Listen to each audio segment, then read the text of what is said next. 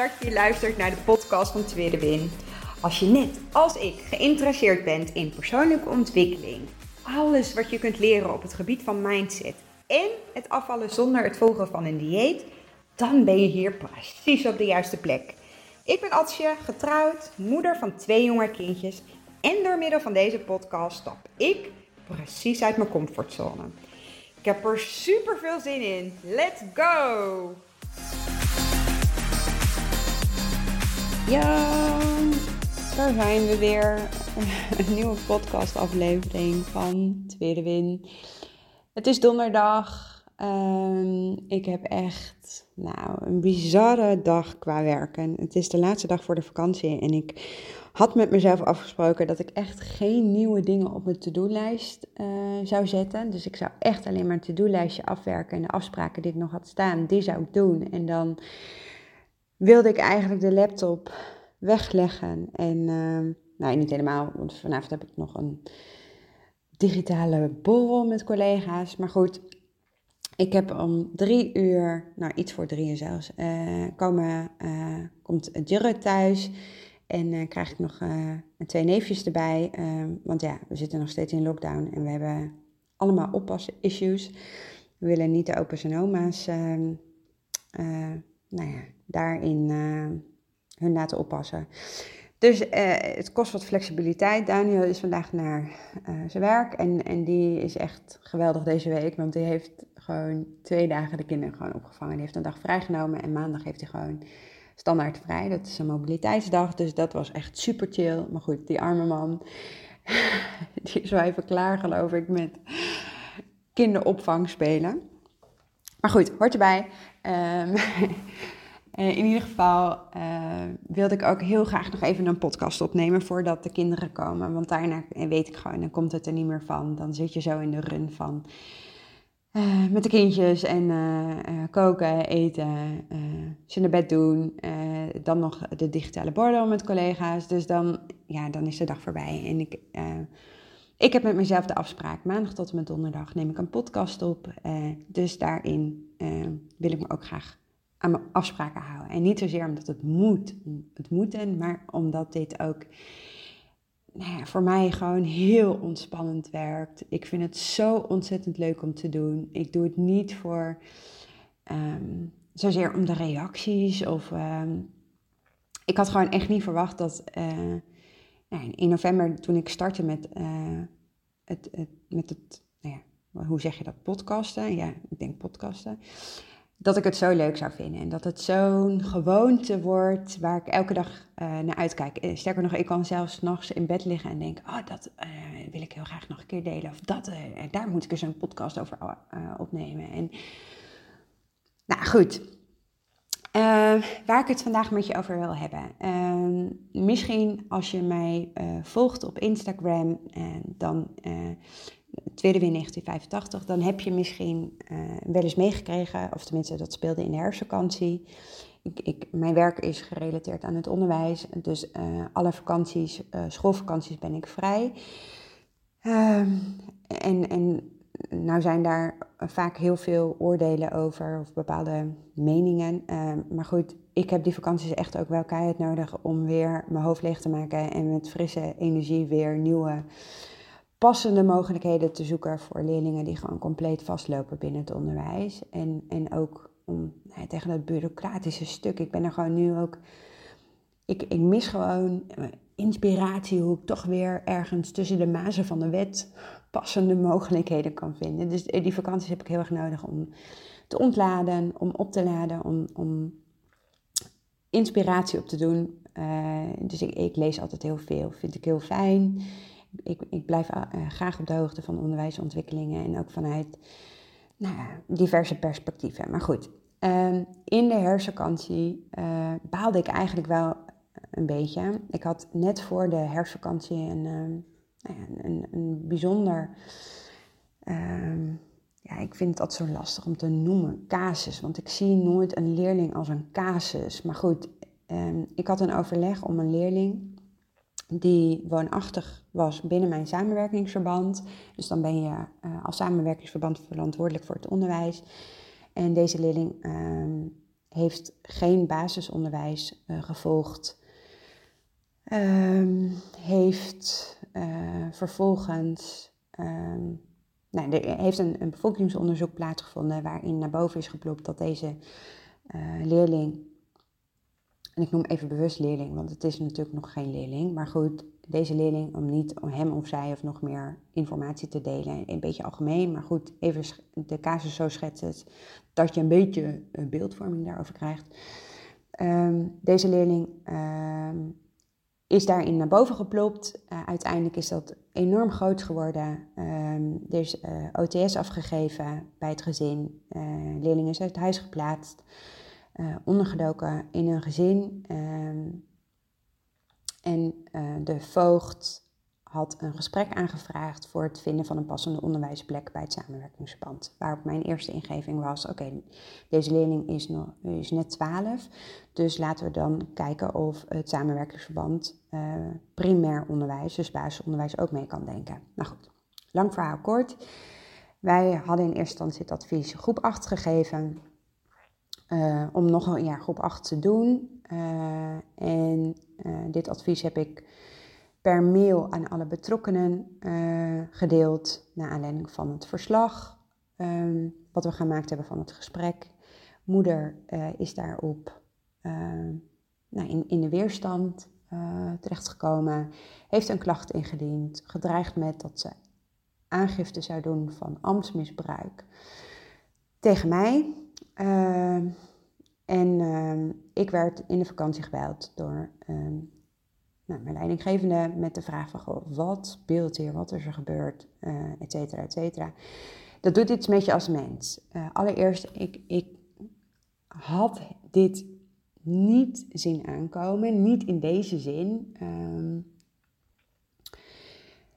en Voorheen was het dan altijd zo dat als ik het gevoel had dat ik dus iets niet goed gedaan had, of als iemand boos op me was, ik ben, ik ben een ontzettende pleaser, ontzettend, of, dat is ook weer zo'n, ik betrap mezelf ook terwijl ik het hardop uitspreek. Dat is zo'n overtuiging die ik van mezelf heb, ik ben een pleaser. Um, even anders uh, genoemd. Ik vind het heel lastig als mensen boos op mij zijn. En ik, ik vind het gewoon heel moeilijk uh, om daarmee om te gaan. Maar goed, daar heb ik een story destijds van over opgemaakt. En ik krijg herhaaldelijk nog wel eens vragen van zulke lieve volgers hoe, hoe de stand van zaken nu is. Um, ik ben iemand die, ehm, ondanks dat iemand dus een klacht indient en dreigt met aangifte is het eerste uh, wat ik heb voorgesteld uh, om met deze moeder in gesprek te gaan. Uh, ik had haar nog nooit gesproken, zij had mij nog nooit gesproken. En we, we hebben ehm, bepaalde interpretaties, vooroordelen, aannames aan beide kanten van elkaar. Um, en ik denk dat het heel goed is als je face-to-face -face met elkaar een gesprek aangaat om ook echt daadwerkelijk dingen open te gooien.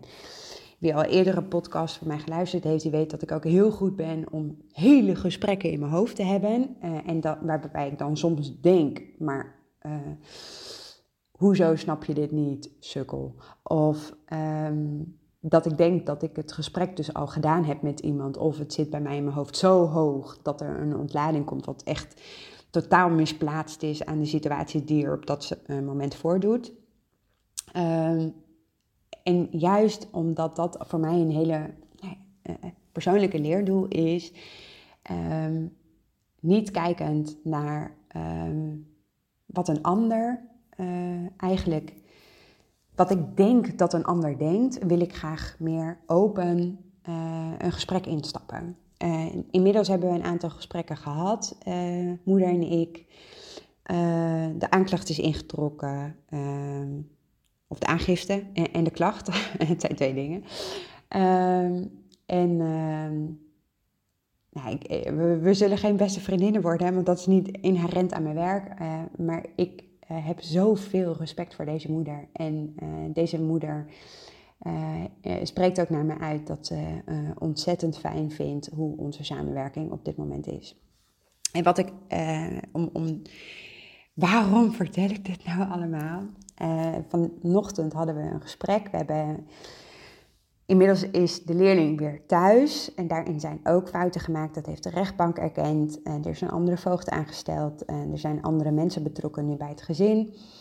Ehm, we hebben soms uh, al bij voorbaat, en dat zit in alle lagen uh, van onze maatschappij en dat zit ook in alle lagen van ons eigen denken hebben we soms een oordeel, een aanname over iets op basis van eerdere informatie, op basis van informatie wat we toegestuurd krijgen of op basis van social media. Ehm, deze leerling heeft zes jaar lang geen onderwijs gehad. Dat is een vorm van verwaarlozing. Uh, dus uh, zal het ook in het gezin wel niet goed gaan. Dus moeten we snel actie ondernemen. Nou, in plaats van dat we onze eigen aannames en vooroordelen nou eens loslaten en gewoon eens met deze moeder in eerste instantie in gesprek waren gegaan. En niet, daarbij wil ik niet zeggen dat ik dat niet gedaan heb, maar ik merk ook dat, dat er bij mij door eerdere uh, nou, situaties die ik met leerlingen heb gehad, uh, dat het ook in heel veel gevallen wel het geval is. Dus uh, het is niet een goed of fout. Ik denk alleen dat we veel meer bewust mogen zijn van bepaalde oordelen, vooroordelen die we hebben, alvorens wij nou, daarin ook stappen zetten. En, en, vanochtend hadden we een gesprek en ik merkte um, dit gesprek was om te kijken naar een passende onderwijsplek voor eh, deze leerling. Ehm, en in dat gesprek proefde ik gewoon bij betrokkenen zoveel aannames en vooroordelen, waardoor de communicatie ook op die manier uh, zo ehm, gedaan werd. En, en, dat zorgde ervoor dat deze moeder continu in een soort van leeuwpositie uh, kwam, een soort van tijgerin voor haar kind aan het vechten was, terwijl dat helemaal niet de bedoeling was van alle betrokkenen. Um, en dat brengt me. Eh, het gesprek is heel goed afgerond. De, deze leerling gaat na de uh, kerstvakantie naar school. Uh, we hebben er allemaal de volste vertrouwen in. Het gaat helemaal goed komen. Maar het bracht me ook op een mailtje die ik van de week ontving. met. ik pak hem er even bij. Als titel waarom je zoveel honger hebt tijdens je menstruatie. En toen dacht ik, oké, dus als ik dit zo lees, dan is dat dus de waarheid. Want er staat expliciet, eigenlijk al genoemd, dat als je uh, als vrouw uh, um, je periode hebt of, of aan het menstrueren bent, dan heb je gewoon zoveel honger. En dan staat er ook nog in het berichtje, wat een heerlijk onderwerp, hè? Dan denk ik, oké, dit zijn dus allemaal. Um, en, en er, nogmaals, ik oordeel niet, hè, want dit, het, uh, ik, ik wil absoluut niet zeggen dat er iets goed of fout is. Ik merk alleen heel erg dat we, uh, en ik doe het zelf net zo goed, hè, um, uh, dat we zeggen van goh. Um, als ik X hoor, dan is Y het geval. Of eh, we zoeken uh, medestanders of uh, lotgenoten in bepaalde situaties, zodat we ons gesteund voelen. Um, en ik merkte dat ook heel erg ehm, tijdens eh, al mijn diëten.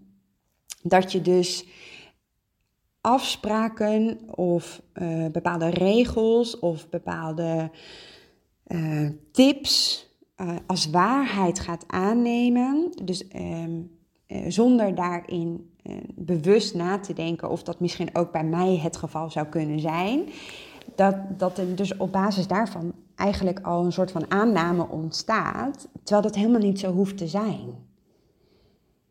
En ik, hoop dat ik een beetje duidelijk ben, um, want bijvoorbeeld bij zo'n mailtje, ik denk dat Nee, zie je, dat is ook een aanname. Als ik dit mailtje een jaar geleden, laat ik het zo zeggen, had ontvangen, dan had ik gezegd: ja, jeetje, oh ja, oh, dit moet ik lezen. Oké, er staat dus: zorg dat je inzicht probeert te krijgen in je cyclus. Oké. Ik moet dus eh, zicht krijgen. Oh, bestel, doe je boodschappen voordat, je menstruatiefase begint. Oh my god. Oké, dus de, eh, dat gaat me helpen. Dan vervolgens Ehm, als je dus uh, in je menstruatiefase merkt dat je die chocoladerepen niet kunt weerstaan, koop ze dan even niet. Maak het voor jezelf een stukje makkelijker. Of plan je cheatmeal op de dag waarvan je weet dat het altijd moeilijk is voor je. Als we dus dit gaan aannemen als waarheid, en, en daarbij wil ik niet zeggen dat dit misschien voor jou wel het geval is of niet het geval is, maar als je dus iets leest of toegestuurd krijgt of een dieet gevolgd hebt waarin bepaalde dingen ehm, niet mogen, of als je gewend bent om jarenlang um, calorieën te tellen, dan heb je dus bepaalde waarheden in je hoofd ehm, als verhaal aangenomen, waardoor je dus ook in een bepaald stramien blijft denken en handelen en voelen, wat er misschien ook voor zorgt dat je dus niet verder komt.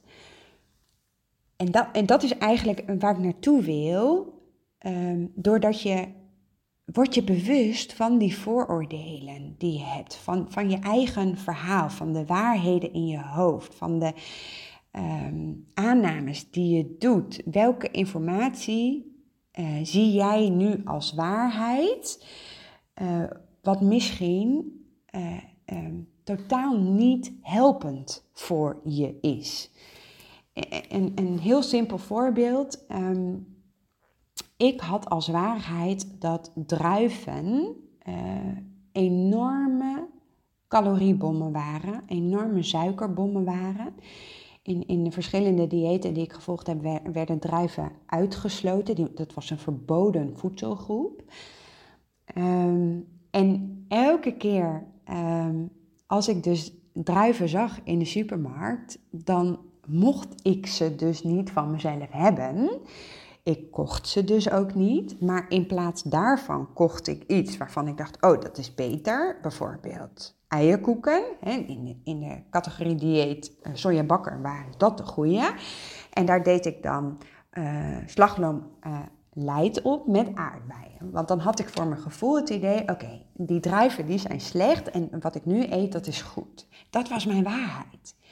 Nu weet ik, doordat ik um, nou, al meer dan 2,5 jaar de Lazy Fit Girl methode volg, dat de waarheid die in mijn hoofd ook echt de waarheid was, dat was mijn eigen waarheid. Dat is niet de waarheid. Ik weet nu dat druiven vele malen voedzamer zijn dan een eierkoek met slagroom light en aardbeien. En niet om te zeggen dat het één goed of fout is, maar door bewust na te gaan welke waarheden heb ik in mijn hoofd, waar um, en, en helpen ze je ook, hè? want eh, als ze eh, je dienen, waarom zou je ze dan veranderen? Maar op het moment dat je merkt dat het in strijd is met een doel wat je graag anders zou willen, dan, dan is het ontzettend helpend als je dus bewust wordt van die waarheid en dat je dus ook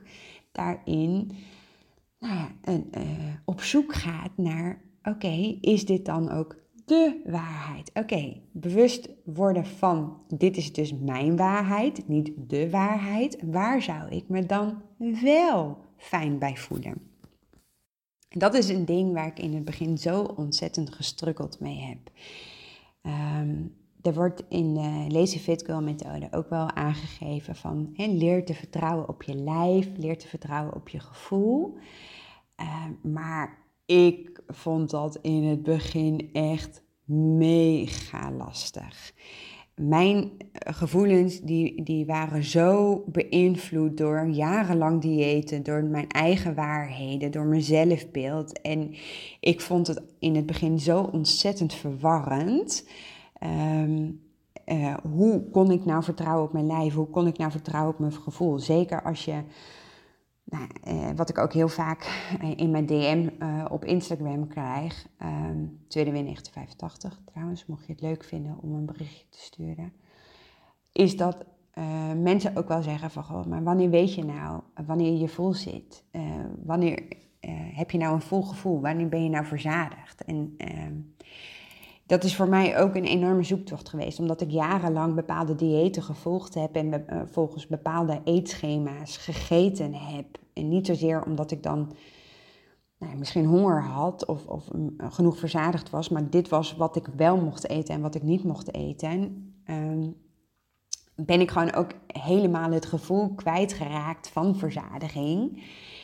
En, en als jij met dit gevoel struggelt, en dat is dus mega normaal. Uh, en is ook mega logisch. Dus uh, vertrouwen op je gevoel of, of, op je lijf, ja, dat, dat is in het begin, is dat ontzettend, kan dat ontzettend ingewikkeld zijn. En ik, ik, ik, ga, ik kan je ook niet vertellen, en dit en dit moet je doen en, en dat zorgt ervoor dat het beter wordt. Of, of dat je wel kunt vertrouwen op je gevoel of op je lijf, omdat ik ik ben en jij bent jij. En ik voel niet wat jij voelt. En ik kan niet voor jou bepalen wat bij jou past. Want dan zou ik dus weer het volgende eetschema zijn, waarin jij niet naar je eigen lijf gaat luisteren of naar je eigen gevoel laat luisteren. Wat ik wel mee wil geven is dat dus uh, gedachten, gevoelens die, die ontstaan vanuit bepaalde situaties. En als je de masterclass van uh, Ankie Willemsen, de founder van de Lazy Fit Girl methode, over eetbuien of overeten of snijbuien nog niet uh, gezien hebt, en je kan hem gratis zien via YouTube. Dat is echt een, een nou, ik vind dit soort informatie heel waardevol, omdat het uh, vanuit de wetenschap is en niet vanuit een bepaalde, nou ja, laat ik zeggen, overtuiging. Of, um, het geeft je inzicht in waarom dingen uh, in je hoofd zo gebeuren. Uh, en, en jij tot bepaalde acties of bepaalde patronen bent gekomen. Dus die, dat is echt een dikke tip. Maar uh, wat heel vaak zo is, is dat um, je misschien nog niet bewust bent van bepaalde waarheden die je dus zelf hebt. Uh, maar je, voelt wel dat, je, nou, dat, dat het niet lukt. Of uh, gevoelens van schuld of schaamte of afwijzing. Of misschien ben je wel heel erg boos op jezelf. Ik denk dat het dan juist heel goed is dat je bij jezelf nagaat, waar komt dat dan door? wat ligt daaronder? Welk gedrag uh, laat dat vervolgens zien? En, welke gedachten komen daarbij uh, naar boven? En, en dan ook vooral vragen naar, aan jezelf, zijn deze gedachten ook waar? Is dit ook de waarheid? Of is dit iets wat in mijn hoofd uh, leeft? Ik, ik wil niet zeggen, ik heb de waarheid in pacht. Ik ben niet alwetend of alwetend. Uh, ik, ik ben ook niet de expert. Uh, maar ik weet wel dat als je leert te luisteren op je lijf uh, en, en een onderzoekende, een experimenterende houding aanneemt. En, en ook gewoon vooral kijkt wat past bij jou vanuit jouw leefstijl, vanuit jouw referentiekader. Dat het.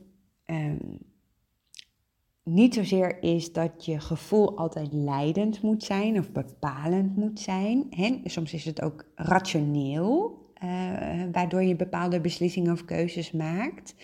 We hoeven ook niet alles te overdenken, we hoeven ook niet alles te overvoelen.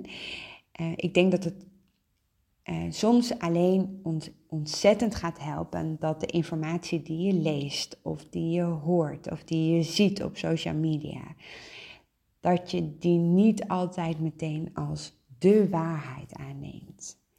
En ook al wordt het um, genoemd door uh, een expert of iemand die ergens ontzettend veel informatie over weet, nogmaals, jij bent jij. En, en ook al. Um, en, er zijn een aantal dingen die zijn gewoon heel zwart-wit. Uh, zo zie ik dat. Um, mensen die bijvoorbeeld destructief bezig zijn um, met zichzelf door bijvoorbeeld. Um, ja, ik, ik, ik, ik, wil nooit iemand voor, voor het hoofd stoten of zo, maar ik, uh, naar mezelf toe. Ehm, ik, ik ben opgegroeid in een gezin waar alcoholmisbruik echt gewoon aan de orde van de dag waren. En dan heb ik het niet over één glaasje wijn of twee glaasjes wijn. Maar er gingen gerust drie flessen wijn uh, door mijn moeder dagelijks er doorheen. Mijn vader dronk meer dan een krat bier per dag.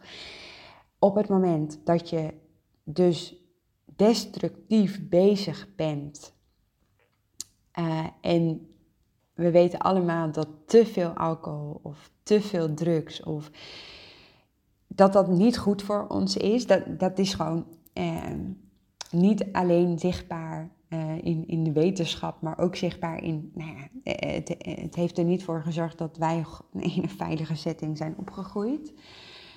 Um, maar ook daarin, eh, en dan dwaal ik misschien een beetje af, eh, heb ik op dit moment geen oordeel meer. Want Ehm, mijn ouders waren volwassenen. Mijn ouders hebben zelf deze bewuste keuzes gemaakt om niet te werken aan de dingen die ze lastig vonden, maar kozen er eerder voor om dat op een andere manier om te op te lossen. Daarbij kan ik ook wel zien dat zij misschien niet bij machtig genoeg waren om het op een andere manier op te lossen. Dat wil niet zeggen ehm, dat zij geen schuld hebben aan deze situatie, dat ze geen verantwoordelijkheid hadden moeten pakken voor deze situatie.